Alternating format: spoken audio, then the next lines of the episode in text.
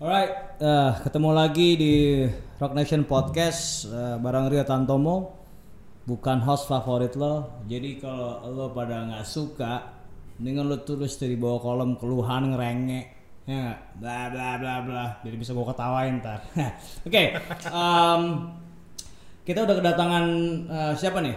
Em, The Dengkot Hipster, aktor, musisi, disc jockey, eh, produser, anak motor, anak sepeda, Semuanya gue jajal. businessman, anjing, Ade Habibi. ya, saya Ade Habibi. saya lah orang yang dicari-cari. Oke, eh, pertanyaan pertama, Apa tuh? do you have soul? Wah, kalau gue nggak punya soul, gue nggak mungkin bisa duduk di sini berbicara sama lo kayaknya. So I gotta have a soul, What kind of soul? Uh, free spirit. Free spirit, bisa jelasin nggak apa itu free spirit? Free Bebas. spirit. uh, free spirit apa ya? Gue um, kayak apa ya? Kayak di mana angin berhembus aja. Jadi gue menyatu sama alamnya aja deh. Gue mencoba untuk menjadi yang menjadi orang yang benar daripada menjadi orang yang baik. orang benar daripada orang baik. Iya. Ah, Karena kalau menjadi orang yang baik belum tentu dia benar. Kalau menjadi orang yang benar udah pasti dia baik. Oke. Menurut gua begitu. Ah, maksudnya itu Tapi kalau ada yang mau bilang itu salah, silahkan komen ke Rio aja. Jangan komen ke gua. Oke, em, kalau mis ini ngomong baik eh, atau benar, tapi gue di Instagram lo menyebut si brengsek. Ya. Maksudnya si brengsek ini dalam artian apa sebenarnya Nah, sih? ini ini mungkin gini.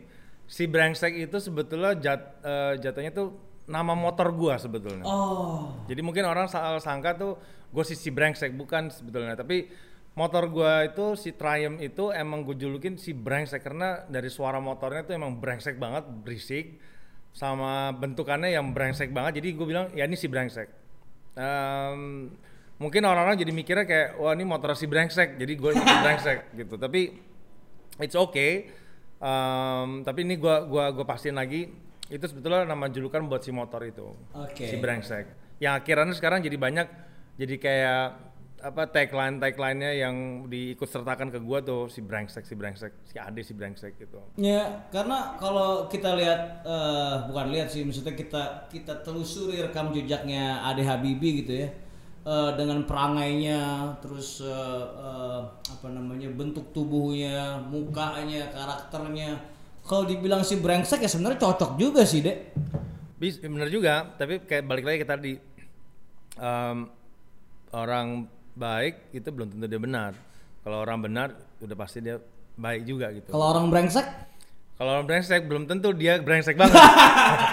Kalau gue gue mikirnya gini, di hidup kita itu harus ada sedikit brengseknya. Kalau Oke, enggak, nah ini penting. Kalau Nah. enggak, kalau misalkan kita, ya jadi ibaratnya kayak uh, we stand up what we believe gitu. Jadi kayak kalau lo nggak punya satu prinsip di hidup lo, dan apa artinya hidup kalau menurut gue. Jadi harus ada brengseknya kalau menurut gue.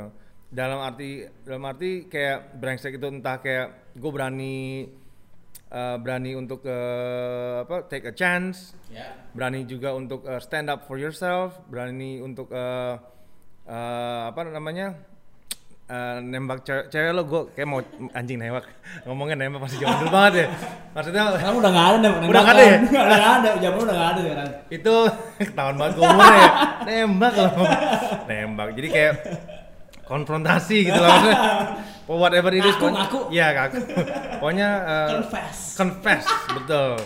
Harus ada brengsek di dalam hidup lo. Dan itu uh, ngebikin semuanya jadi kayak apa ya yin yang lah jadi kayak fifty fifty lah semuanya gue gue tertarik dengan eh, yin yang tadi ya. Maksudnya konsep eh, keseimbangan Ya. itu eh, penting untuk kita jalan dalam hidup. Maksudnya eh lo baik banget juga lo bakal di eh, hancurin juga Betul, gitu sama betul. yang brengsek. gitu Betul, kan. betul, betul. Lo brengsek banget juga lo pasti karma lo nggak baik gitu Betul. kan. Jadi eh, konsep keseimbangan tuh eh, gue rasa harus jalani ya. itu itu eh, udah harus kita pahamin bukan jalanin lagi gue rasa. Kayak lo kayak balik lagi nih kayak kayak brengsek. Misalnya ada orang yang perlu dibrengsekin untuk dia bisa jadi jadi dia maju. Bener loh itu Iya, emang iya, iya. emang ternyata ada. Iya. jadi kalau dia nggak dibrengsekin dia nggak pernah akan merasakan kehilangan. Karena dia ngerasa kehilangan berarti dia harus harus gimana caranya me- menjadi yang benar untuk uh, keep whatever they have gitu loh. Jadi uh, apa ya uh, ngejalanin sesuatu yang benar gitu loh. Kalau nggak dibrengsekin nggak kehilangan. Dia mungkin nggak tahu rasanya itu gimana. Jadi dia akan sombong jatuhnya atau jadi sotoy lah segala macam. Tapi kalau misalkan dia apa namanya dia terus jalannya bener terus ya dia nggak pernah tahu rasanya jatuh juga. Gitu. Oke, Iya, iya. jadi semuanya Ini harus, harus diuji ya? semuanya harus diuji dan semuanya ha- punya obstacle masing-masing kita jadi kayak gue punya obstacle gue masing-masing kenaikan kelas gue tuh gimana dalam hidup Ya. habis itu uh, lo juga atau semua orang lah kalau misalkan terus nyaman-nyaman aja sih mungkin uh, saat- Ah, enggak. mungkin di dunia ini mungkin ada satu atau dua yang orang lahirnya jadi sultan kayak gitu-gitu anaknya sultan Bolkiah gitu Itu juga pasti nggak nyaman karena Nah, banyak yang ngincer kekuasaan nah, dong. Itu dia. Jadi nah itu dia. Berarti Iya kan? semuanya rata. Iya. Oh, jadi cuma beda beda kontennya aja. Oke. ya kan? Ya. Kalau gue sebut brengsek itu similar dengan keras kepala gimana deh? Atau misalnya keras kepala tuh apa sih? Maksudnya perlu nggak sih? Gue rasa perlu deh keras kepala. Kalau gue keras kepala sih iya, eh, tapi gue keras kepala tuh karena karena gue punya punya prinsip aja gitu loh. Jadi kalau misalkan ditanya lo kenapa nggak ngelakuin ini nggak ngelakuin itu, ya satu gue nggak mau atau gue nggak nyaman atau apa gitu loh. Tapi banyak juga orang-orang yang nggak nggak maksa gue karena mungkin segen Takut ngeliat iya, lo. atau mungkin takut tapi sebetulnya menurut gue gue lebih di akhir-akhir ini ya lebih senang banyak orang nanya gue langsung straightforward langsung kayak misalnya kayak kan tadi sebelum kita ngobrol kan kita udah sempet eh, ngobrol sebentar tuh kayak gue suka pertanyaan yang benar lo tanya gue aja deh. Gue karena suka suka bosen sama orang yang nanya yang yang begitu gitu aja gitu loh. Ya maksudnya cuma nanya eh lo suka sepatu merek ini apa merek itu? Misalnya misalnya gitu. Eh justru malah jauh yang nggak berkualitas lah gue gue mau pertanyaan kayak yang yang seperti kayak gini kayak lo nanya em, really in depth gitu. Apa yang menurut gua kenapa orang begitu kenapa orang nggak begini kenapa gua nggak ngelakuin ini kenapa gua nggak ngelakuin itu.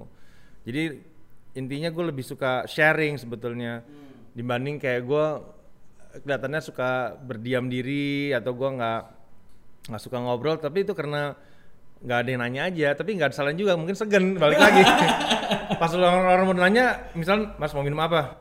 Nggak deh. Mungkin jawab gitu aja udah orang udah kayak yang anjing. Dia jawabnya gitu doang lagi bete banget ya. Eh. eh nggak nggak apa-apa boleh deh ini. Iya iya jadi jadi segen orang juga. Iya, iya. banyak juga begitu tapi ya makin lama kan gue belajar juga melihat situasi jadi makin lama gue lebih lebih apa ya lebih mu- murah senyum Emang dulu enggak ya? nggak tahu deh gue banyak yang orang bilang kayak lu sih kalau lihat jarang banget senyum sih ya mungkin ya kali ya ya tapi ya, ya begitulah perjalanan hidup gue mungkin emang begitu orangnya tapi Iya, bukan iya. berarti gue bukan orang yang suka ngobrol Ya, ya. Impresi gue eh, terhadap Ade Habibie itu eh, pertama adalah ya selain film Mengejar Matahari juga eh, di balik eh, apa namanya eh, desk ya, eh, desk DJ ya. Eh, terus itu ya lo kalau lo segan sama dia itu wajar sih ngeliat lo deh maksudnya lo botak ada piercing tapi mengejar matahari itu emang benar-benar film paling iya paling jadi apa itu ya paling maksud gua antagonis lo di Iya sih, dapet gua banget. gua emang ngerasain sampai sekarang ini tuh banyak orang yang bilang lu yang main film eh, mengejar matahari ya. Iya, itu sih gua eh, pernah ada yang cerita begini, gue tuh sempet loh satu momen gue sebel banget sama lo. Hah, yang bener loh, karena film itu saking kesel karena ya lo tuh dapat banget kayak lu ngeselin banget, lu jahat banget jadi orang, jahat banget jadi orang. Gue nggak tahu mau bilang terima kasih atau mau Berhasil bilang, itu atau mau lo bilang gitu kan. berhasil makasih atas filmnya atau atau terima kasih atas gue jahat atau enggak ya ya which is buat gue is a compliment berarti gue karakter yang dipilih sama Rudi Sujarwo waktu itu benar-benar tepat buat gue gitu. Jadi em, ya itu film benar-benar udah bisa dibilang berapa lama tuh filmnya? 2004 2004 2004. berarti gua 16 tahun. Sih 16 16, tahun, tahun. itu film itu dan itu melekat banget banyak sama sama sama orang-orang yang datang ke gua. Yang gua nonton itu waktu gue SD apa SMP gue bilang gila eh, cukup terharu sih gue dengernya sampai kenapa nggak lo ngeliatin Winky sama yang lain-lainnya gue bilang gitu Iya. Bang hidup gue keras men gue. Iya. Ya, gue pernah eh, baca, oh nonton ya, eh, satu wawancara dari Rudi Sujarwo tentang terhadap film itu ya, bahwa eh, Ade itu Ade Habibi, lu taruh aja di depan eh, kamera, suruh diem aja, itu udah intimidating gitu. Jadi memang secara karakter tuh eh, tanpa harus mengucapkan kata pun, Betul. lo udah udah udah bisa berbicara gitu. Ya, Jadi jadi sekarang coba ada diem, lu lihat aja sekarang deh, lu takut ya sama dia nih. udah berubah ya. kecuali kalau gue senyum sekarang mungkin agak mungkin lebih menakutkan kok dia senyum ya gitu kayak oh my god dia senyum gimana nih ya dia mau mukul gua atau enggak gitu nah itu gimana tuh? Maksudnya eh, lo Ya. lo dipajang aja diem.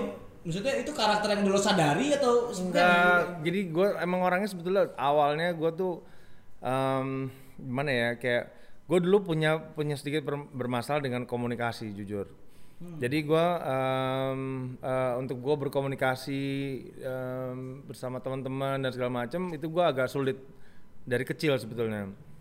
Plus juga waktu dari gue SMP pun gue udah udah dilempar ke eh, maksudnya sekolah di luar terus nggak pulang-pulang lama sampai gue kuliah. Jadi em, untuk gue bisa ngobrol sama em, orang-orang Indonesia maksudnya waktu itu ya karena gue nggak pernah pulang jadi gue masalah bahasa maksudnya. bukan masalah bahasa masalah kayak apa yang mesti jadi gini kayak em, contoh paling gampang apa ya kayak eh, lo eh, pulang sekolah suka misalnya lo ada SMA terus habis lo ada reuni dong nongkrong hangout segala macem ya kalau buat gua gua mungkin waktu itu kayak eh gua mau ketemu nih eh, waktu itu misal gua punya cewek aku mau ketemu teman-teman aku eh, mau hangout di di bar. Gue bisa bilang mau ngapain? Ya ketemu teman-teman lama aja catch up dong terus ngobrolin apaan? Bisa sampai segitunya karena gue saking sangat independen banget hidupnya. Lo gak bisa basa-basi kayaknya. susah itu bener basa-basi. Jadi kayak misalnya terus di sana ngobrolin apa? Ya apa aja mungkin dia lagi ngapain ini segala macam oh emang pada ngapain sekarang bukannya pada urus mas. Ya pokoknya gitu deh. Yang menurut gue kayak lo ngapain sih ke sana? Kalau mau ketemu datang aja ke rumah ketemu ngobrol ini kenapa mesti di tempat yang ramai gitu? Ya kan buat variasi buat variasi lah cari, cari suasana gitu. Oh ya? Dan itu bisa panjang bisa gue panjangin tuh kayak yang ya itu ribetnya gue dulu kayak gitu. Dulu. dulu. Oke. Nah sekarang gue belajar makin lama makin eh, eh, artinya pertemanan, persahabatan, habis itu di mana teman itu teman, di mana orang yang teman buat teman kerja, di mana gue belajar banyak lah. Sampai detik ini gue belajar banyak. Jadi eh, dulunya gue emang emang susah aja bergaul susah. Dan akhirnya ya bentukannya kayak begitu. Kalau di film mengejar matahari ya waktu itu sebetulnya ada skripnya. Tapi eh, mereka decide udah dihapus aja semuanya deh. Hah? maksudnya eh, skripnya gua. Iya lo nggak ada skripnya? Sama sekali nggak ada? Sih ada sih lo ngomong ya. Iya, hampir nggak dipukulin, sebelum Ham- sebelum lo tembak kalau nggak salah. iya tapi Ingat nggak? Masih ingat nggak? ya lo? masih ingat tapi Ingat. nggak bisa dibilang itu sebagai skrip sebetulnya Iya, karena nggak nggak keluar ya. Tapi yang anehnya dari film itu gue mendapatkan MTV Award untuk Best eh, Supporting Actor. Oh, lo dapat ya. Ya maksudnya alhamdulillah gue orang sampai bilang boleh juga lo deh, lo nggak ngomong aja lo dapet Best Supporting Actor. Gue bilang ya mungkin jangan ngomong kali kalau gue ngomong gue nggak dapet Best Supporting Actor gue bilang gitu. Ya tapi em, ya di situ gue dari semenjak itu gue belajar lah banyak eh, belasan ya bertahun-tahun lah untuk gimana caranya bisa berkomunikasi yang baik. Ya, akhirnya sekarang ya sekarang gue bisa ngobrol santai-santai aja. Tadinya gue susah loh beneran Oke. harus benar-benar dipancing kayak eh, ngomong ini baru gue ngobrolin. Terus habis itu cuma sebatas lo nanya ini gue cuma deret Sombong? Maksudnya? orang mikir begitu. Iya kan? Orang mikir begitu. Pasti kalau orang itu kan "Ah, anjing ada sombong. Iya gitu kayak padahal sebetulnya gue sangat berbagi banget sama apa pun yang gue pernah alamin gitu sharing my stories sharing my uh, pengalaman satu uh, edukasi gue apa yang- ya segala macam deh gue uh, makin ke sini tuh makin I just want to share everything yang gue bisa share ibaratnya kayak maybe this is my own legacy untuk bisa gue apa kasih ke semua orang yang mau mau denger gitu Gitu eh, getting old, getting wiser tuh bener ya. ya. betul betul betul Ya. itu namanya kayak ilmu padi tuh kalau padinya makin dia makin tua dia makin menunduk aja dia makin ya ya ya Eh, ilmu- katanya begitu Kalau ilmu beringin makin eh, tinggi, makin ngeri. makin makin megar makin megah. makin megar dan makin kuat ya bener juga Oke, em, kita ngomongin film deh, karena eh, Ade ini udah lama nggak. Gua gua riset semalam mengenai Ade Habibie ini ya paling tentang motor, terus juga nggak terlalu dalam juga. Eh, sesuatu tentang Ade Habibie ini eh, udah lama hilang gitu ya. Iya. Eh, jadi kalau kita balik lagi ke 2004 gitu, saat itu lo ditawarin sama Rudi Sujarwo dan untuk memerankan seorang yang antagonistik yaitu Obet namanya ya. Betul. Eh, preman kampung. Betul. Gitu kan. Terus eh, saat itu eh, lu belum pernah main film deh Em, belum. Saat Jadi, itu nah, itu ya itu main. itu film pertama kali gua em, diajak sama Rudi em, udah kenal sama Rudi sebelumnya? Em, kenal secara kayak keluarga kayaknya dari orang tuanya si Rudi itu ada pernah kenal sama orang tua gue juga itu anak tentara kalau iya pokoknya ada ya. kayak gitu-gitunya Iya, iya, saya jadi gitu. akhirnya Dia punya band Sick Minded namanya Ya, dan apa eh kenalnya tuh kayak eh, oh dikenal sama Jody almarhum Jody juga dan segala macem dan eh, apa? Jody ini Jody Gondokusumo ya eh, vokalis getah ya Ya, jadi Jody ini dulu juga eh, almarhum itu eh, pacaran sama mantan istri gua yang Karisa. oke Habis dari itu pacaran sama gua, terus habis itu nikah. Jadi jadi ada gitu-gitu deh hubungan. Oh kenal sama ini, kenal sama kenal satu kenal sama itu. satu Ya. satu circle lah ya satu circle gitu terus habis itu eh, terjadilah nih film diajak eh, terus habis itu juga oh dari Winky juga dek lo tertarik nggak main film ini waktu itu kan masih nge DJ kan Iya. bilang eh eh, boleh deh coba deh akhirnya jadi film itu setelah film itu gue juga em, main satu film lagi sih sebetulnya eh, Pang in Love waktu itu. Oh oke. Pang in Love, eh, nah setelah Pang in Love, sebetulnya gue ditawarin juga satu film, em, namanya Sembilan Naga mestinya, ah Fauzi Wadila itu ya? Ya oke. Sembilan Naga. Nah tapi eh, pada waktu itu eh, nyokap gue sakit, jadi mesti dirawat di Jerman. Terus habis itu gue karena gue waktu itu belum ngapa-ngapain juga, akhirnya gue decide sama Karisa, sama anak gue yang baru lahir, pindah ke Belanda. oke Pindah ke Belanda tuh la- lama tuh lima tahun. Nah, itu benar-benar tawaran itu akhirnya gue nggak nggak nggak terima. Jadi akhirnya yang dapat itu si Lukman. Lukman Sardi Lukman Sardi Ya. yang boleh dibilang kayak sosoknya Ob- Obet itu tadi mau dimasukin ke situ yang berewokan lagi apa Ya, segala macam. ya, jadi ya. akhirnya si Lukman tuh dapat tuh berewok- beda dong Lukman Sardi sama Ade Habibie ya beda secara- beda beda beda. tapi maksud gua eh, apa namanya mau dicari peran itu lagi tadinya. Tapi Ya. gua kira gue cabut nggak jadi.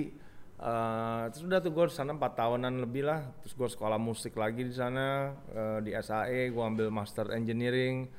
Akhirnya gue balik Eh, belum ada tawaran film lagi sih sampai sekarang Eh, terakhir ada eh, filmnya eh, yang main terus sama Al Ghazali eh, Dig- anaknya Ahmad Dhani itu ya Anak Ahmad Dhani Dignitate di United itu 2020 ya. Oke, eh, mau bicara film, lu masih percaya sama film Indonesia gak sih? Maksud gua, gue secara pribadi gue selalu skeptis ya dengan film Indonesia ya. Bukan karena gua ke barat-barat atau gue westernisasi ya. Iya, iya. Dalam artian, eh gue juga suka film-film dari Iran, dari eh, Latin gitu. Tapi kalau film Indonesia tuh lebih kayak eh romcomnya gitu, Iya. misalnya kayak terus eh, secara terutama film biopiknya ya.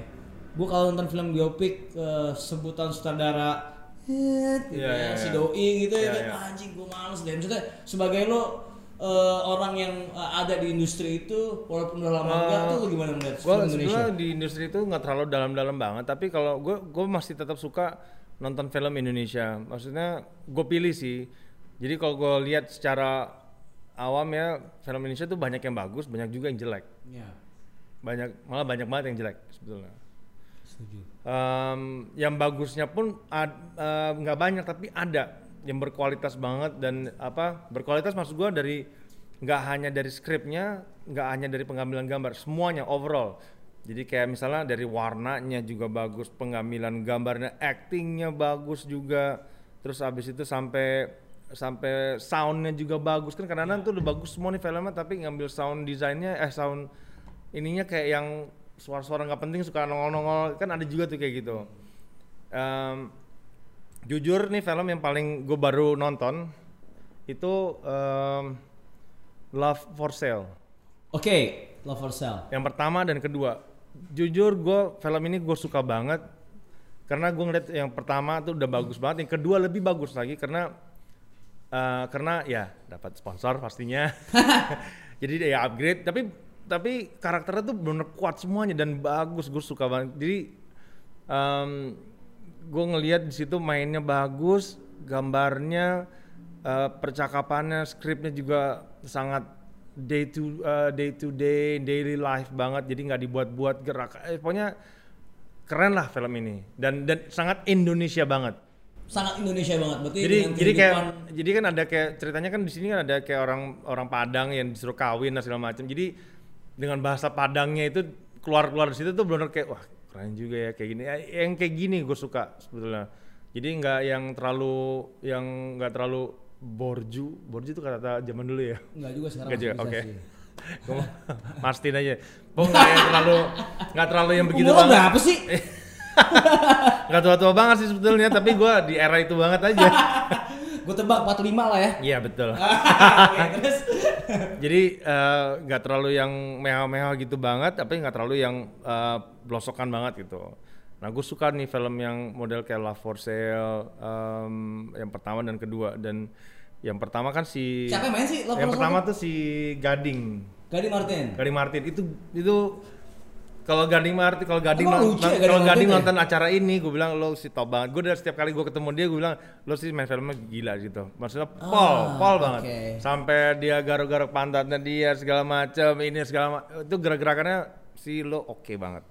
Oke, eh, mungkin eh, karena lo ngomong gitu, gue jadi pengen nonton Love for Sale ya. Maksudnya, beneran lo nonton deh yang pertama dan kedua. Oke, em, di Netflix. Oke, bicara eh, film Indonesia lagi, bener nggak sih kalau kita eh, industri film kita itu eh, kekurangan aktor? Dalam artian mm, dia lagi dia lagi, Reza Rahardian lagi, Reza Rahardian lagi, lalu Vino G. Bastian lagi, Vino, aduh Vino G. Bastian sorry to say di film Pangin Love jadi seorang pangrokor role, Iya, iya, menurut gue ya, Iya, iya, iya. ya maksudnya eh, dia lagi dia lagi, Iya. seperti tidak ada eh, aktor baru yang dipercaya gitu. Wah, terutama film-film yang ya disebut apa blockbusternya kali ya ya sebetulnya kalau gua aktor-aktor itu banyak tapi ya alas abad oke Ya gitu, enggak tapi di mana yang mau di ek- di expose besar-besaran itu nggak banyak masalahnya gitu.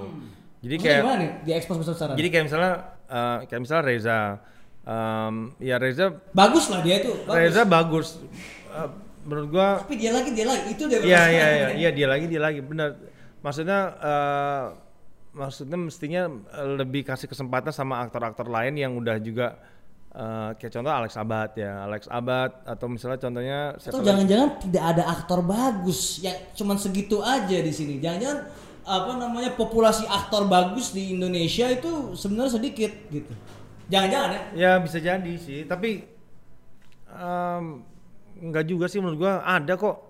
Kayak Ai itu bagus loh, jadi eh, Fahri Albar Iya. Oke. Ai itu jarang main film dia Makanya. iya jarang Kenapa jarang, ya? tapi dia kalau lo kenal pribadi, ini orang benar-benar pinter mukanya berakting. dingin gitu Iya dan dan Anto- ya. dan orangnya benar-benar lucu sebetulnya. Ah. Lucu, ngelawak banget orangnya Oke. gitu. Tapi ya mungkin di lain sisi juga cuannya nggak banyak kali. ya bener juga dong. Maksudnya kita acting kan itu it takes a lot of uh, waktu dan yang kalau yang bener ya. Ya misalnya gini deh. Kenapa Jamie Aditya nggak banyak main filmnya? Jamie Aditya apa nggak kurang hebat Iya actingnya? Iya. Mau jadi apa aja? iya Kenapa enggak? Jamie itu sama kayak lu udah sama tuh aktor jago, jago main musik jago ya Nah, jadi kenapa enggak? Pasti Iya. kan karena capek men, nanti gua ini men, gitu. Jamie kan lebih kayak gitu ngomongnya. Nanti gua kalau gini gua kalau mainin nanti ini lah, lah. ah lu bacet Jamie gua bilang gitu lo hoce aja gua bilang. gue pernah sih wawancara dia kayak Iya. yang kayak gitu dia Kayak gitu kan? iya Nanti kalau gua main men nanti gua nanti what did they think about me man gitu. dengan aksen Australia gitu, ya. gitu. Nah, itu juga ya Jamie ya gua gua Jamie Aat itu Ah tuh Alex Abad ya Alex Abad itu orang-orang yang dari dulu eh, jarang ketemu tapi setiap kali ketemu tuh banyak banget gue ceritanya sama mereka. Jamie tuh pernah tinggal di rumah gue tuh kayak dua bulan waktu mau coba bikin albumnya dia segala macem. He's a really funny guy. Uh, Aat juga, ya pokoknya setiap kali gue tanya, Jim lu kenapa nggak main film lagi sih? Gue mau gue main film, unless they pay me 2 million dollars man, gitu. Dia kan selalu ngomong gitu kan, kayak yang baca-baca tuh kayak yang bilang, man, masa sih? Bilang, man, I can, I can act like anybody else, man, I can, pokoknya ngomongnya segala macam. Dia dia tuh nggak bisa berhenti deh ngomongnya kalau sama dia masalah. Lu nanya satu pertanyaan bisa jawaban tuh seribu Iya, iya. seribu jawaban tau nggak sama dia? Iya, iya, seru. Deh. seru. Seru. Nah ya itu salah satu contoh kenapa nggak kayak Jamie jadi em, apa namanya aktor juga Karena mungkin eh, ya para sutradara su- mungkin sudah terplot ya bahwa yang yang udah laku yang seperti si dia, si dia, si dia itu tidak ada pengambilan risiko dari para produser Ya. atau sutradara. Misalnya em, ya itu tadi ya kita ulang lagi. Iya, iya. Dia, dia lagi, dia lagi. Iya. Mungkin, mungkin itu kali ya. ya tapi sekarang kan lumayan kan maksudnya kayak si Iko kan sekarang udah mulai Uh, wise ya. eh, udah sampai keluar nah maksud gua gini Nah, itu kayak dia tuh. eh, menurut gua itu bukan kekurangan aktor sih tapi kekurangan eh, agent agent yang which is eh, bisa ngebawa si aktor Indonesia ini ke luar negeri kalau menurut gua jadi gua waktu itu pernah ngobrol juga sama si Reza em, pas waktu itu di rumah om gua almarhum eh, Oh, iya. Om Rudi Om- eh, Om jadi Rudi, Gaji Habibie. Iya.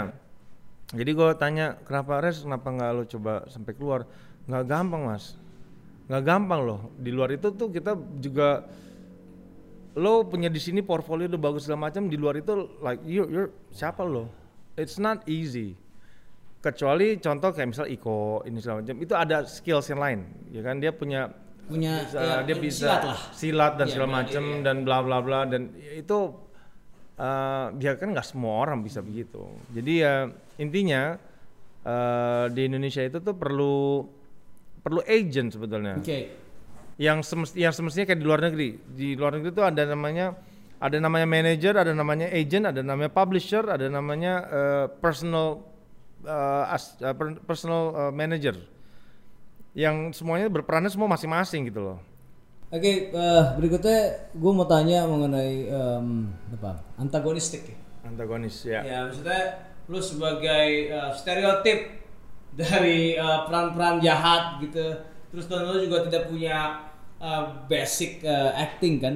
Bagaimana Iya. lo eh, mendalami seni peran itu? Apakah itu lo nggak usah berperan, itulah diri lo sendiri? gue ya jatuhnya kayak gue nggak pernah mendalami menjadi seorang antagonis Method actor gitu iya misalnya. enggak sih karena hmm, apa ya kehidupan gue hari-harian gue juga tidak seperti sesangar itulah gitu. Lo nggak seperti obat berarti ya? tidak. Kok tidaknya ragu-ragu tidak. gitu sih? ragu-ragu ya? Tidak. Eh, enggak lah. Em, sebetulnya mungkin karena waktu itu ya di karena bentukannya atau mungkin em, dari raut muka atau sosoknya mungkin ya ya gua nggak paham sih. Mungkin mungkin waktu itu Rudy lebih paham bisa ngelihat itu dibanding gua ya. Ya. Jadi gua lebih bener ya gue percaya aja namanya juga apa sutradaranya yang nunjuk dia pasti bisa ngelihat lebih jauh lah dari dari apa karakter gua untuk menjadi apanya di filmnya dia. Dan eh, di film yang keduanya pun juga eh, di Pang in Love juga jatuhnya juga bukan jadi peran antagonis tapi lebih menjadi satu ketua di para Wah, geng punkers. preman gitu lah ya. punkers preman dan anak-anak eh, kelompok eh, pinggir jalanan inilah ceritanya gitu. Eh, dan di situ gue peran gue di situ juga nggak yang jadi ribut-ribut. Gue justru eh, men- ya menjadi ketua aja. Jadi kayak lo kalau mau ribut sini ribut bener ribut pakai tangan. Gak usah pakai gini gini gini gitu loh ceritanya. Nggak usah eh, lo ribut satu persatu. Kalau jadi lebih menjadi seorang petuanya aja gitu. Nah, yang di em, di film yang terakhir gue baru main ini di yang eh, sama si Dignitate. Dignitate itu gue menjadi satu orang yang eh, dituakan sama si Al eh, jadi mentornya dia lah.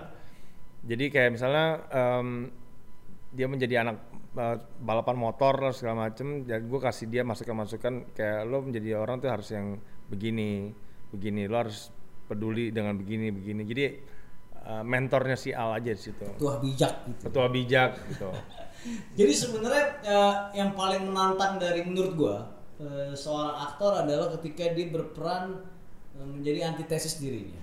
Iya. Gitu kan. Iya. Ketika lo di- disuruh jadi ketua geng, preman, tukang ribut, gua rasa itu akan mudah. Tapi kalau misalnya lo disuruh menjadi Pak Haji, Nah, kan, itu dia. Haji Itu. to, ini preman Itu. tobat lah, Itu jadi preman haji tobat, gitu. bener tuh. gitu ya. Gue gue pernah berapa kali pingin, kenapa sih nggak ada yang pernah nawarin gue jadi kayak ustad. susah, akan jadi, sulit buat lo kali. Iya, jadi ustad atau jadi Atau preman jadi- tobat, bener iya, gitu. iya. Soalnya ah, ya nggak mungkin banget loh. Kenapa nggak mungkin lo? Berarti ya, mau ngajakin ribut orang yang waktu itu. Ya, kenapa nggak mungkin? Emang gue nggak bisa begitu? Lo enggak kan karakter lo, lo nggak bisa gitu dong. Maksudnya bla bla bla bla bla. Ya apa apa karena tatonya ini kalau misalkan di film kan di film kan sekarang semua bisa ya maksudnya kayak Jadi ada Iya kayak si Thor, eh, si Thor kan pernah tuh satu film yang dia cuma dicat. Iya, iya, iya, iya, iya. Jadi nggak mau nggak nggak menutup kemungkinan gitu loh. Gue bilang kenapa sih nggak coba kayak gitu di plus juga gue pingin lihat lagi badan gue tanpa tato kayak apa sebetulnya. Apa gue cupu kali ya?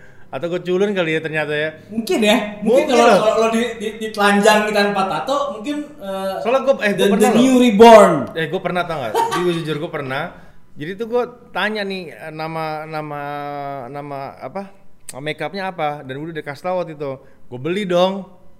Gue coba, cuman tangan gue doang. Jadi gue waktu itu ke sama anak gue, gue pakai sweater kayak gini. Terus yang tangan ini gue bersihin semuanya kayak warna kulit. Ah, Bersih, bener kayak warna kulit banget. oke Terus habis itu anak gue yang ayah, ayah kok tatunya hilang. Terus gue kayak sama kayak ngerasa kayak menjadi orang normal yang kayak yang seperti layaknya orang jalanan di, maksudnya orang berjalan di mana-mana gitu loh kayak gue ngerasa kayak I feel like everyone now gitu. Ya, ya. Tapi mungkin eh ya karena udah terlalu sering gue dengan tato ini jadi it's not me anymore gitu iya ngerti gak lo? Iya. Jadi yang gua sebenarnya itu adalah ya ya udah gua ini. Yang, Jadi, yang mungkin- begini ini gitu. mungkin para sutradara produser cobalah lo kasih dia Ade Habibie eh, peran yang beda dikit lah jadi Cobalah semua para sutradara dan produser kalau mau apa mau coba make gua anjing. Mau coba Make lo. mau coba eh, ini apa? Menyewa. Menyewa gua. Menyewa. Tolong kontak Emon. Apa coba kontak Emon? kontak Emma Udah, siapa itu Emon? Adalah Emon kuncian gua. Gitu. Ya, oke. em, eh, tapi yang unik adalah lo sebenarnya Ade Habibi, Habibi ya. Nama Habibi itu eh, udah se- melekat dengan eh, B.J. Habibie dan dan, Betul. dan lo adalah eh, keponakan ya. Keponakan, Jadi iya. ini dan gue tahu ya eh, eh, trah trah keluarga Habibie itu semuanya eh, eh, intelektual ya kan Eh, dan lo Iya. adalah mungkin bisa dibilang antitesis dari trah keluarga lo gitu kan Ya, Ini ya. ada Adri Subono Adri Subono juga om lo kan Iya, sepupu gua gitu. sepupu lo kan Iya. Ya, jadi mungkin salah satu yang gue tahu dari eh, eh, family Habibie yang eh, di luar ya menteri eh, teknokrat gitu Iya. atau dubes pokoknya dubes kan Iya, iya. Eh, itu adalah ya Ade Habibie dan Adri Subono. Jadi itu Eh. sebenarnya antitesis sebenarnya dari Habibie. Sebetulnya sebetulnya dari keluarga gue ada sih yang beberapa yang sedikit keluar dari koridornya Habibie yang maksudnya keluar dari koridor tuh yang nggak eh, nggak meneruskan sebagai kayak yang politik lah atau ke something to do with teknologi atau atau bidang-bidang seperti itu gitu. Em, satu ada em, apa sepupu gua Mas Adri itu kan ya bisa dilihat dia lebih into ya. musik dan segala macam. Sebetulnya kalau mau dibilang into musik dan eh, ke art, keluarga gue tuh sangat mengapresiasi namanya art dan musik semuanya. Em, dari sepupu-sepupu gua kayak Mas Ilham, anaknya Om Rudi, Mas Tarek, juga adiknya Mas Ilham. Eh, itu semuanya into music very much. Em, sangat eh, mengapresiasi namanya budaya Indonesia, budaya luar juga, art Indonesia dan segala macam. Tapi emang kelihatannya, kelihatannya emang ya seperti ya orang-orang pingin lihat ya apa yang mereka pingin lihat aja. Maksudnya? Maksudnya kayak ya keluarga Habibie ya, oh itu keluarga Habibie ya begitu. sebetulnya banyak di keluarga kita yang yang yang modelannya kayak bukan kayak gua ekstrim kayak gini ya tapi kayak misalnya em, eh, yang nggak ngerjain ya gimana ya? Kayak Mas Mas Tarek adiknya Mas Ilham itu unik Oh, juga. yang pakai yang pakai Iya. eh, Ada kayak patch, ya. Gitu ya. ya itu juga unik dia. Maksudnya em, bidang apa yang dia kerjakan itu juga nggak most common orang yang kerjain sebetulnya eh, lahan kerjanya dia. Kayak misalnya oh lu kerjanya ngapain nih? Em, gua bisnis usaha musik ini apa segala macam lu wah gua properti ini. Eh, lu ngapain? Lu mas mas misalnya di orang naik misalnya nih orang naik ke Mas Arik lu ngerjain apa? Ya gua jual beli em, ini satelit. Oke. nah gitu misalnya. Ya, ya, ya, ya. satelit. Iya. Itu, itu pekerjaan. satelit. Itu ada propertinya satelit. Ya? ada ternyata. Maksudnya ya ada. Gue jual beli satelit. Nah kan itu cukup jadi diem gitu kan kayak Iya. yang Eh, "Ah, oke gue mau nanya apa lagi ya lagi." gitu. gue aja juga begitu orang tapi Iya, iya, ya iya. maksudnya eh, di keluarga gue banyak lah yang yang eh, nggak semuanya seperti kayak modelannya kayak om gua tapi emang banyak emang di bidangnya seperti itu yang di teknologi dan berbisnis ria dan lain-lain. Tapi lo mungkin eh, eh, rebellious breed kali ya dari Habibie family. Iya, bisa, dibilang dibilang gitu gitu, iya, iya. Iya nggak? Bisa dibilang gitu. Maksudnya em, Troublemaker lah bisa dibilang. Waduh, troublemaker kan. Ya, tapi ya gue rasa di setiap keluarga pasti adalah salah Ada, satunya yang ya, kayak ya. gitunya. Dan eh, lo akhirnya memilih sekolah seni ya. Ya, Ya gua kan? Eh, emang emang bokap lo eh, bokapnya Ade Habibie ini namanya adalah eh, Yunus Habibie. Effendi. Eh Yunus Yunus, Effendi. Habibie. Dia adalah duta besar eh, Indonesia buat Inggris dan Belanda ya. dan Belanda. eh, Irlandia pernah ya? Eh, eh, Inggris dan Irlandia waktu itu Oh masih UK. Iya, Oke. UK, Ya, ya. ya. Jadi em, lo bayangin aja anak dubes begini nih modelannya. nah dan, dan dia memilih sekolah seni. Emang bokap lo nggak nyuruh lo, udah ambil aja insinyur, Iya, ambil aja dokter, udah. Nggak ya? ribut-ributan ada lah. Bisa nggak lo, lo ceritain? Bisa, bisa. Jadi gue emang waktu itu sekolah uh, Friksi dong, friksi pasti itu ya. sekolah art itu benar-benar kayak perjuangannya sih benar-benar uh, berat banget karena gue pengen sekolah seni uh, waktu itu graphic design terus akhirnya gue jadi uh, seni lukis seni murni ya sekolah di sini Um, terus gue ngambil dua major berarti dua dua fak ya berarti ya dua major Sepraman-pramanan dia tetep pinter anjing ngambil dua major anjir lulus ya dua-duanya. lulus udah ya. Anjing kan emang dasar udah terah pinter aja nih mah.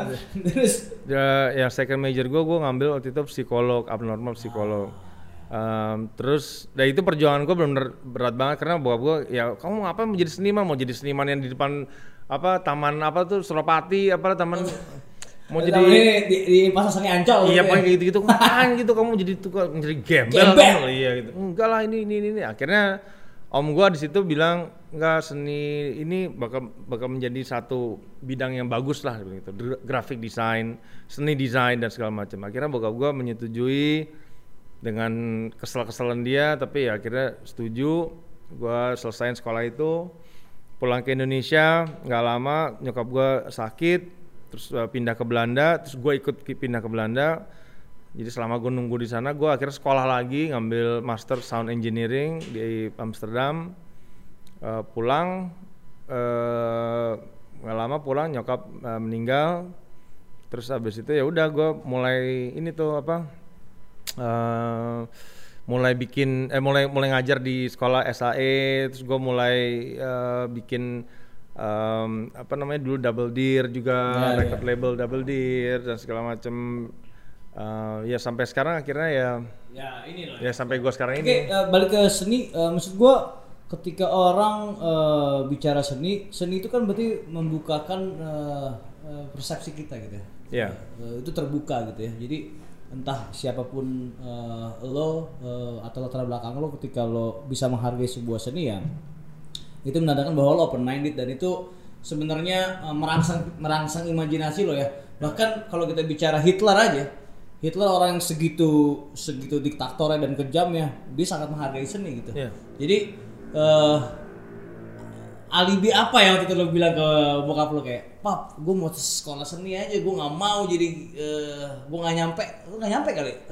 Gue gue bilang sekolah seni itu karena gue bilang I like to share gue bilang. Oh you like to share? Gue suka sharing what I can do. Waktu itu kan tadi kayak tadi gue bilang gue punya masalah dengan komunikasi waktu itu. Um, gue rada susah untuk berbicara sama orang tua juga karena mungkin eh, bokap gue waktu itu sering berpergian dan segala macam jadi waktunya untuk ber apa quality time sama anak-anak itu susah gitu.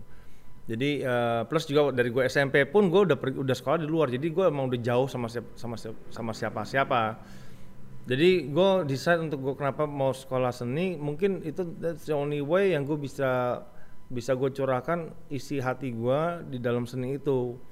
Jadi di mana pas gue selesai menyelesaikan tugas-tugas gue ngelukis atau gambar gue dipaksa harus untuk bisa menceritakan lukisan itu kenapa gue bisa gambar itu jadi lukisan itu gue jatuhkan sebagai medium gue untuk gue bisa komunikasi sama yang lainnya oke lu untuk menceritakan diri lo Iya, jadi kayak misalnya lo, gue susah nih ngobrol. Dia pasti nanya, eh, guru gue nanya, ini apa? Gue harus menjelaskan gitu. Gue, ya dengan susah payah, feeling, ya gue begini, ini segala macam. Yang awalnya juga nggak bisa langsung ngobrol gue ya. Jadi itu kayak terapi sebetulnya jatuhnya ke gue. Gue setuju. Maksudnya sama kayak eh, musik, ya seni lah ya, eh, musik Iya, atau iya. misalnya peran sekalipun gitu ya, Iya, iya, untuk benar. memahami diri lu sendiri, Iya. lo akhirnya harus membuat sebuah sesuatu, Iya. ya kan? Em, bicara masih lukisan, eh, apa gaya lo? Ekspresionis kayaknya sih kalau menurut kalau misalnya lo ingin Um, atau impresionis atau Impressionis sih. Impressionis ya? Impressionis juga. Gue um, um, apa ya? Impressionis juga kayak pres- ekspresionis gue juga. So, surprise juga sih lo ngelukis tuh, deh.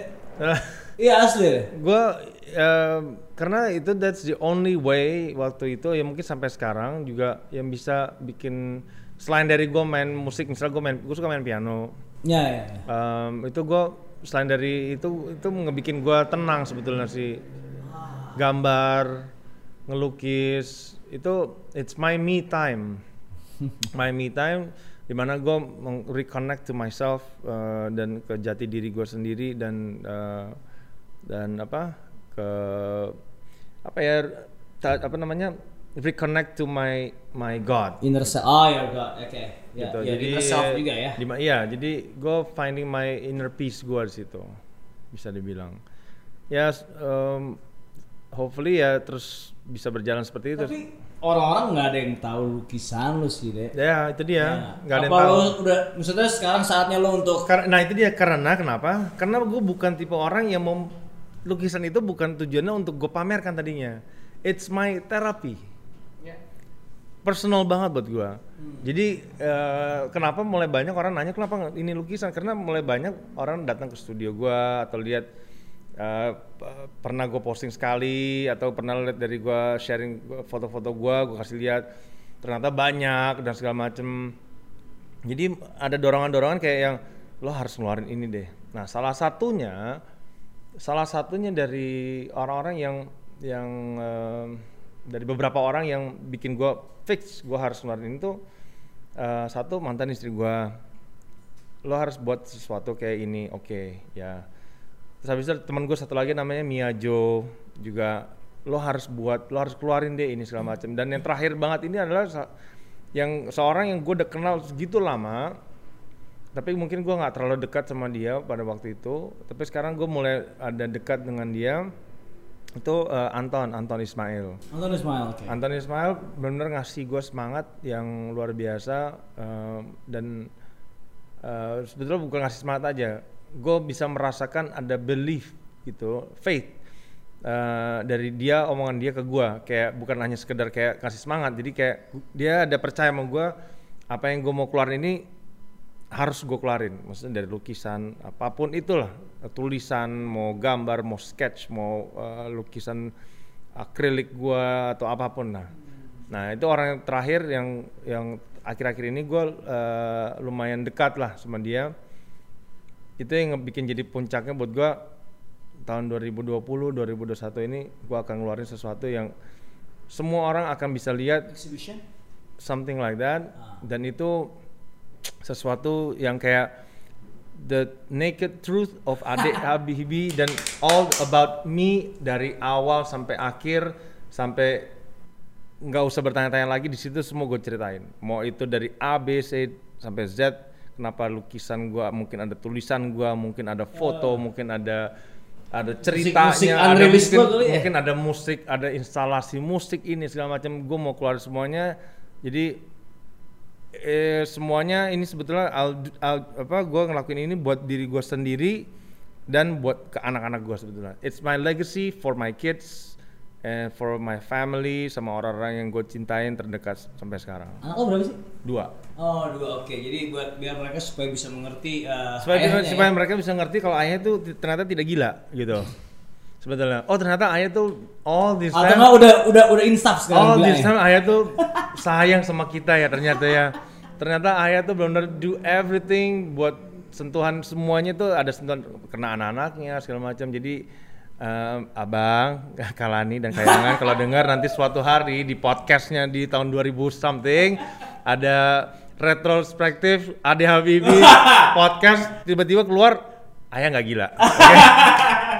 I love you guys Oke, uh, um, lo berarti menghabiskan masa remaja lo tuh di UK. Di UK sama eh, aduh kalau ngomong itu banyak banget Oke, uh, berarti uh, di mana lo berada ketika lo berusia 17 sampai 25? Banyak juga. Lo keliling keliling keliling gua, ya? gua lumayan keliling gua Enak ya jadi anak dubes ya. ya ada enaknya apa nggak ada enaknya sih jadi eh gue bentar 17 itu gue di Amerika sampai eh ke di Amerika ke Inggris Inggris ke Paris Paris habis itu Itali Itali Flo Itali balik ke Inggris lagi balik ke Paris balik ke Amerika Anjing. Lo berarti apa rasanya nongkrong uh, semasa remaja di Eropa? ya begitu deh Ya gimana ya? Gua em, di Eropa dan di UK dan di Amerika itu udah udah Tahun berapa tuh? Kita supaya bisa, bisa punya timeline gambaran ya. Itu tahun Berapa early ya? 90s, ya late 90s. 96 98 gitu deh. Waktu itu era ini ya eh, elektronik lagi gede-gede itu. Ya, pokoknya Prodigy lagi gede itu ya. wah ya habis. Cam- itu. Cambro ya, Chemical Cam- Brother. Cambro lagi pecah-pecahnya habis itu. Ya, maksudnya eh, ya sebenarnya ini uh, arah arah pertanyaannya adalah apa sih eh, musik yang lo serap ketika karena kan Waktu itu ya Daft Punk udah. Daft Punk ya. Oke. Daft Punk sama Chemical Brothers sama Prodigy itu udah tiga Itu itu, ya, itu tuh jadi ya. udah patokan hidup gua banget itu anjing gitu. hidup gua Chemical Brothers banget gitu Hidup lo chemical banget loh. Chemical banget gitu. Oke, eh, berarti eh, di saat itu itu juga dimulai eh, karir eh, apa? Lo mulai memulai punya Um, turntable, kalau kalau collecting mulai plat gitu. Iya ya, kalau collecting plat itu gue sebetulnya dari tahun 94 sih gue udah mulai collecting plat sih. Waktu lo stay di Amerika. Iya, jadi gue udah mulai beli-beli plat, udah mulai- udah mulai mulai nge-DJ sih sendiri ya, maksudnya beli turntable kayak gini, terus main di apa di apartemen sendiri atau sama teman-teman. Eh, tapi emang kalau bisa dibilang awal mulai mencoba producing itu mungkin di tahun 2000 tahun 2000 ya tahun 99 apa 2000 itu gue beli satu alat musik pertama namanya Akai MPC Akai. MPC 2000 XL Eh, pada waktu itu kenapa gue beli itu? Karena salah satu idola gue eh, DJ Shadow. DJ Shadow. eh, terus habis itu ya Chemical Brothers dan lain-lainnya salah satu alat yang dipakai mereka untuk resampling music dan making beat music dari sampling itu jadi gue belilah alat itu Akai MPC 2000 XL yang masih gue pakai sampai sekarang Oke, kalau misalnya lo udah producing, bener gak sih kalau DJ itu akan naik kasta? Ketika dia ya, berhenti ya, memix lagu-lagu orang, lalu membuat uh, Ya. lagu sendiri. kalau jadi DJ eh, lo harus lo harus produce lagu lo sendiri Harus. harus Kalau cuman main di klub main lagu orang di mix-mix doang, sampah lo nothing buat gue weh ngomong elektronik groove nih. sorry ya gue bilang gue maksudnya banyak DJ yang cuma main DJ untuk yang untuk menjadi DJ ya udah DJ terus habis itu lo bisa making lots of money ya it's good for you tapi for me it's ya nothing Kalau lo buat gua buat gua kalau lo menjadi DJ berarti lo harus at least misalnya ada satu lagu yang lu suka, lu remake lah lagu itu yang lu suka. Remake ya. Ya, re-edit lagu itu yang lu suka. Ya akhirnya makin lama jadi kayak, ah gue juga bisa bikin lagu gini. Akhirnya jadi produser sendiri. Ya semestinya, mestinya begitu. Kalau DJ aja ya, ya you're just a DJ. Kalau zaman dulu diperlukan, gimana sekarang? Sekarang ya pasang Spotify kelar, nggak harus perlu DJ. Bener kan? Jangan-jangan musik eh, hari ini udah tidak se esensial atau sepenting eh, ketika taruhlah nggak usah sejauh eh, 80 90 2000 deh. Jangan-jangan 2015 ke sini tuh musik udah platonik, plastik. Ya ya gimana coba? Kayak misalnya gue masih ngalamin banget beli lagu, beli satu plat dan gue nunggu beli untuk satu plat itu untuk gue bisa dapetin dan nggak banyak orang bisa dapetin. Sekarang segitu mudahnya lo tinggal pasang Shazam semua dapet itu lagu. Lo tau gak kalau lo ngomong di depan anak-anak eh, milenial sekarang, oke boomer lo. Gitu. Apa tuh boomer? Em, lo akan dianggap sebagai eh, generasi tua Nah, yang selalu mengagungkan Iya. bahwa dekade lo adalah yang paling bagus karena dekade gue yang paling bagus berak. Eh, kalau lo nganggap dia belagu, dia em, Ade Habibie ini dulu punya eh, kolektif, bukan kolektif ya, eh, duo ya, uh, Elwood Groove ya, Iya. AJRV atau disingkat kalau dulu ada Mastercraft, MST, MSTKRFT, ini udah duluan nih, Iya. AJRV ya, Eh, dan si eh, dia bersama DJ Lawrence ya, Betul. dan kalau ngomongin eh, EGRV, em, kita akan teringat eh, balik ke scene Jakarta tahun 2005. Ya. Itu ada satu kompilasi eh, Jakarta Movement.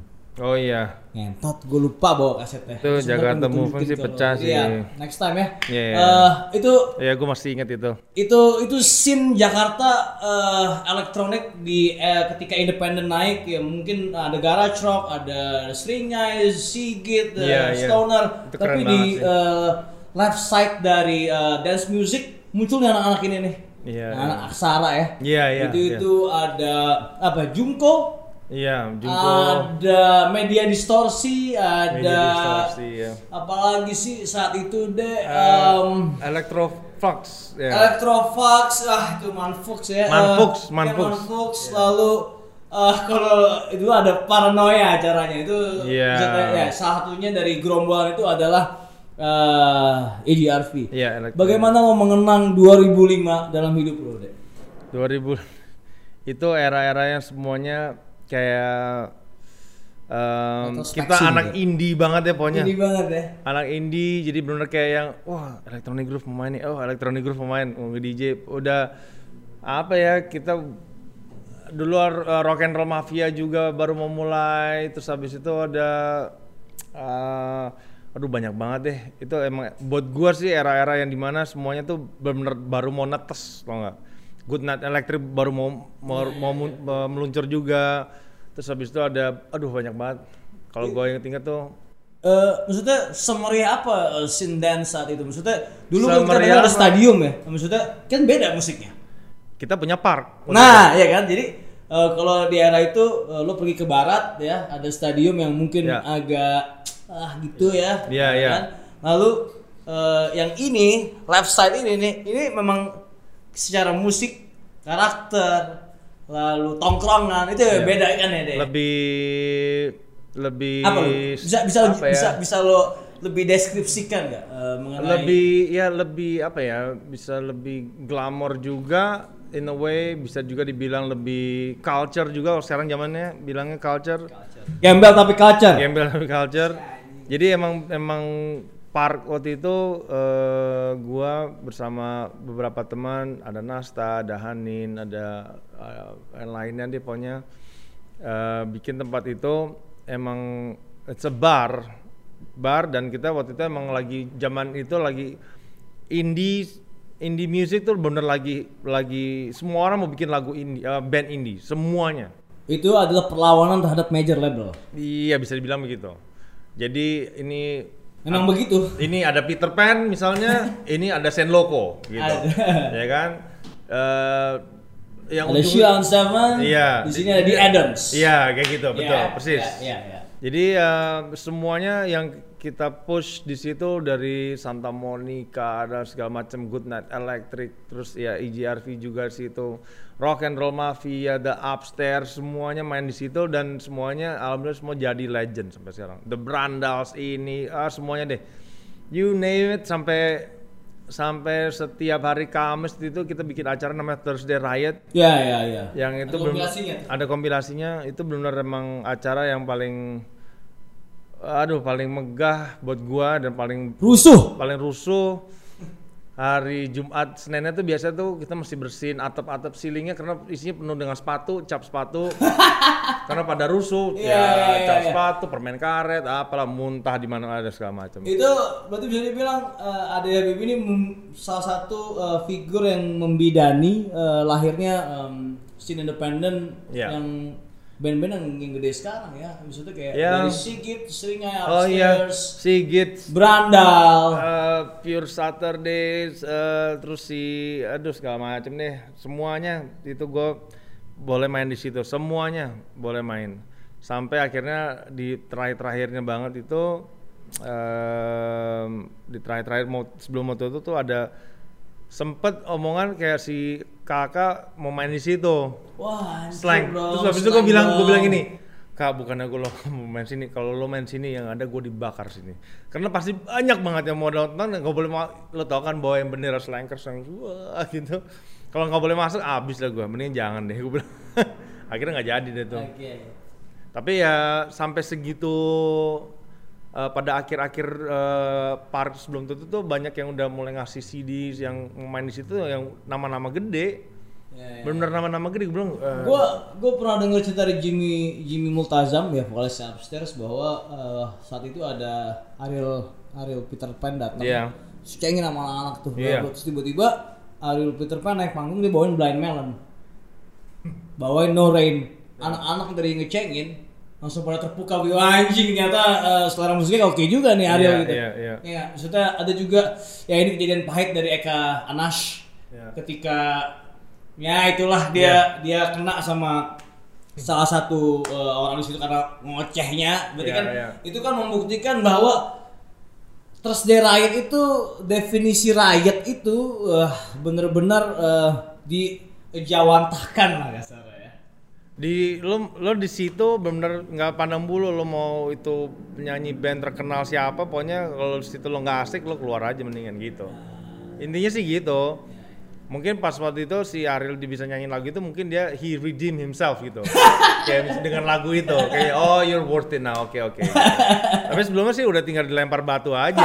Maksudnya gua dan kita sebagai owner ya terserah. Ya penonton yang mau dengerin nggak suka ya nggak suka. Gua mau bilang apa. Tapi nggak mungkin dong dari awal lo suka elektronik. Dari awal hidup lo. Oh, kalau mau dibilang Kita awal, lompat nih ya, dari awal, ya kalau awal mu- mulai musik gue suka tuh eh, roots gue tuh adalah jazz, jazz, pure jazz, Just uh, jazz, jazz, jazz. Bebop, hard no, no, jazz sampai Miles Dav- Davis, sampai Duke Ellington, sampai ini Beaches Brew gitu. oh, dalam deh pokoknya jazznya, Ah, dalam dalam. Gue suka banget yang jazz, pure jazz yang 7 per 8 ke 3 per 4 dung dung dung dung dung dung dung dung dung Iya, iya, dung dung iya, dung iya. dung gitu. itu kalau gue nyebutnya psychotic jazz. Nah, gua apalagi suka tuh. Ornette Coleman gitu ya. Ya. Ada satu ada satu yang gue suka sampai sekarang itu namanya Chick, Col- uh, Chick Corea and the Electronic Band. Ya. Nah itu dari Chick Corea, Juni Patucci, terus habis itu uh, Gambale dan segala macam itu ya Chick Corea sih yang mainnya udah setengah-setengah ini. Ning ning ning ning gitu. Keysnya udah nggak tahu lagi apa yang dimainin.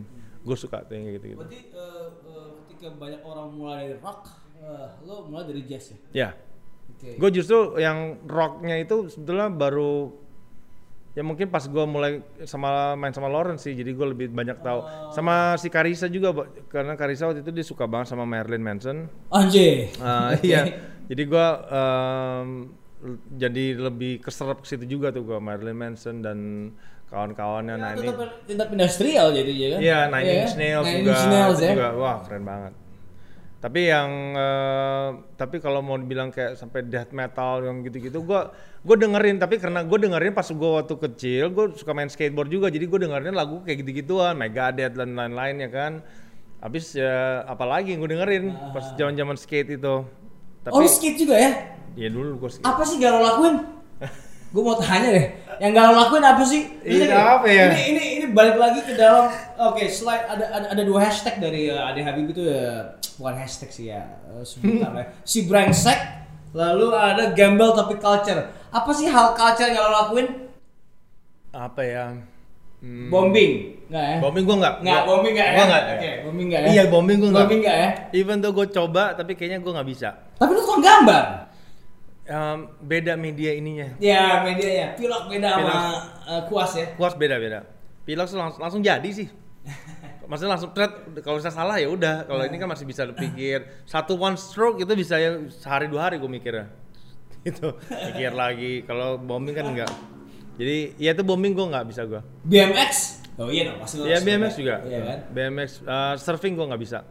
Karena gue sangat takut dengan air. Lu Jadi kalau lo mau ada yang kesel sama gue nih semuanya ada yang aja. lo mau ja- jangan jangan ditaruh di mobil kenceng ini segala macem. Jangan taruh mau dia dijatuh mah. dari bam, apa eh, banji jump atau segala macem jangan. Lo bawa gua ke dalam kapal taruh tengah-tengah laut gua pasti gua minta tolong tolong please tolong balik sekarang juga. Oh, tolong tolong please. Parno lo Parno air berarti ya. oh gua nggak bisa gua sama air. Sumpah gua nggak bisa. Nggak bisa gua gua mikirin aja gua merinding. Beneran. Nggak bisa. Gua lihat sesuatu di bawah air yang nggak bisa kelihatan tuh ah, ininya gua pasti nggak mau. Nggak mau. Oke, em, ada satu em, ini eh, mungkin orang bisa bilang scene di Indonesia atau Jakarta khususnya terbentuk dari orang-orang yang pulang dari luar negeri lalu dia menularkan eh, selera pada anak-anak di dalam sini. Eh, maksudnya itu terbukti dari Future Tan gitu ya. ya Anton Hogi pulang dari mana dia SF ya? Asal. SF datang nih bawa plat langsung uh, ini left side uh, disco kayak gini ya gitu ya gitu terus uh, mungkin lo juga gitu saat itu lo pulang ke sini Tapi eh, mungkin ada satu Ya, sih gua, ceritain. um, uh, mesti gue koreksi.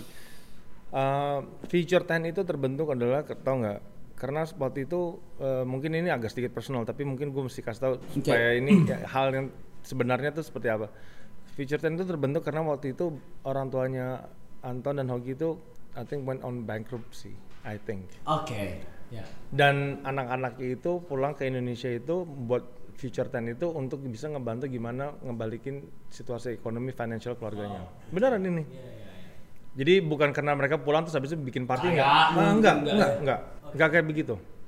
Jadi dia bikin Future 10 itu supaya gimana caranya untuk ngebantu keluarganya dia untuk bangkit lagi karena I think on bank went on bankrupt saya ingat gua. Tapi dengan ada Future 10 terus ini IO mulai jalan dan segala macam akhirnya ngebantu. Akhirnya jadilah seperti yang sekarang. Which is itu yang cerita sebenarnya. oke berarti uh, lo enak kaya gitu kan ya jadi Iya, iya. uh, pada dasarnya nggak semua orang kayak gitu ya Enggak, enggak. Enggak, enggak. Banyak orang yang ngelihatnya kadang-kadang yang wah beruntung banget ya lo udah ada ini ada itu ada ini segala macem. Tapi kadang-kadang kita udah udah keburu capek untuk ngejelasinnya ya akhirnya ya whatever kalau gue bilang lo enak lo nama lo belakangnya ada Habibi dek. Gimana? Lo mau tukeran mau gue nama gue berat berat loh jadi nama belakang itu lumayan jadi beban loh kadang-kadang eh, karena tuntutan nama Habibie itu kan em, ya nama yang apa ya dipandang di mata Indonesia atau mata dunia tuh yang cukup berarti kan gitu. Jadi ya gimana sih rasanya meng-carry Iya nama sih. itu? Berat loh Eh, sebetulnya. eh, eh. dan sedangkan gua itu di jalan di path yang seperti ini. Hmm. yang sebetulnya tidak sehabibi banget modelannya gitu. Tapi nggak Habibi banget. Nggak habibi banget tapi ya makanya eh, makanya ya yang penting kita jadi orang yang benar aja udah gitu. Jadi ya nggak kita ngelakuin yang benar dan ngelakuin yang bener-bener lo apa namanya jadi ya, prinsip gue sekarang gini kayak do whatever that you like to do tapi be good at it and be- stay good at it. Jadi kalau lo udah paham di ap- apa yang lo bidang semua lo kerjain lo kerjain di situ aja udah. Stay there sampai lo ngelotok di situ. Lo udah paham lo udah stay lo menjadi ahli dalam dalam bidang yang lo paling ahli. Udah itu aja. Kalau gua prinsip gua sekarang gitu. Jadi kayak lo mau jadi pelukis lo mau jadi businessman mau jadi kameramen mau jadi fotografer mau jadi apa aja be the best of it dan sampai menjadi yang paling ahli dalam bidang lo. Oke. Bisa nggak jelasin gembel tapi culture tuh apa sih? Gembel. sebenarnya? Tolong lah itu. Gembel tapi tolong culture. Tolong lah, tolong kasih tahu Kalau itu, itu, itu itu itu lumayan anomali juga itu. Kalau gembel PKL gini loh, gua gua dalam arti berfashion itu gua sebetulnya nggak terlalu gua orang yang paling sebetulnya paling mudah dalam berpakaian sebetulnya. Gua nggak pernah milih-milih baju apa yang gua pakai. Paling yang kasar gini, baju gua tuh kalau gua ambil di kamar gua nih, gua ambil paling di atas doang. Kalau misalkan pembantu gua nggak suka ganti-ganti rubah-rubah, ya gua ambil baju terus. Itu terus. Kadang-kadang gua nggak ganti baju, ganti bajunya itu lagi. Kadang-kadang pakai jaket itu lagi. Jadi eh, maksud gua kadang-kadang banyak orang bilang kayak gila dia lo baju nggak ganti-ganti udah tiga hari pakai baju sama mulu kayak gembel lo lama-lama gitu loh. Em, tapi mungkin karena eh, ya gue harus pede-pede aja dengan apa yang gue pakai. Ya terus ada orang bilang tapi culture juga ya. gitu. Terus akhirnya gue dengan pikiran gini, iya emang gembel tapi culture gue bilang gitu.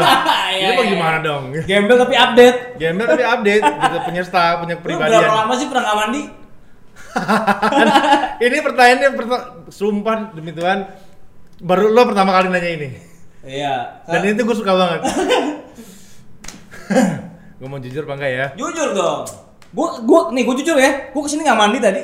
Lo mandi nggak? gue pernah nggak mandi dua minggu lebih pernah sih Pol nggak tuh Free spirit.